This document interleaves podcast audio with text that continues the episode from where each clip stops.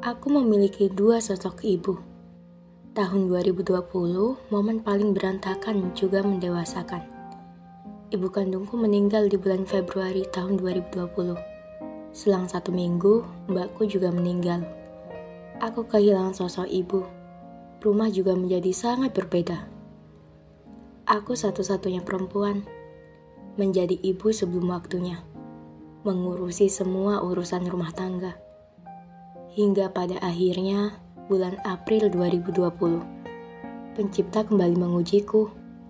Belum sepenuhnya aku berdamai dengan kehilangan, tiba-tiba pencipta mengirimkan ujian. Bapak memilih menikah kembali. Jujur, waktu itu takut sekaligus cemburu. Seiring berjalan waktu, aku sadar memang harus ada sosok ibu di rumah Sosok ibu seperti jantung yang akan tetap membuat rumah hidup. Ibu kandungku sangat baik. Sekalipun ibu sudah tidak ada di bumi, ibu selalu hidup di hati dan ada darah ibu yang mengalir di tubuhku. Teruntuk ibu kandungku, ibu, aku di bumi bertemu banyak sekali orang baik. Selepas kepergian ibu, duniaku tidak baik-baik saja. Tapi, aku selalu percaya Pencipta sudah menentukan rencana terbaiknya. Ibu tenang ya di alam sana. Maaf belum bisa membuat ibu bangga. Saat ini rumah memiliki sosok peran ibu kembali. Ibu jangan khawatir, sosok ibu tidak akan terganti dan akan tetap jadi yang terbaik.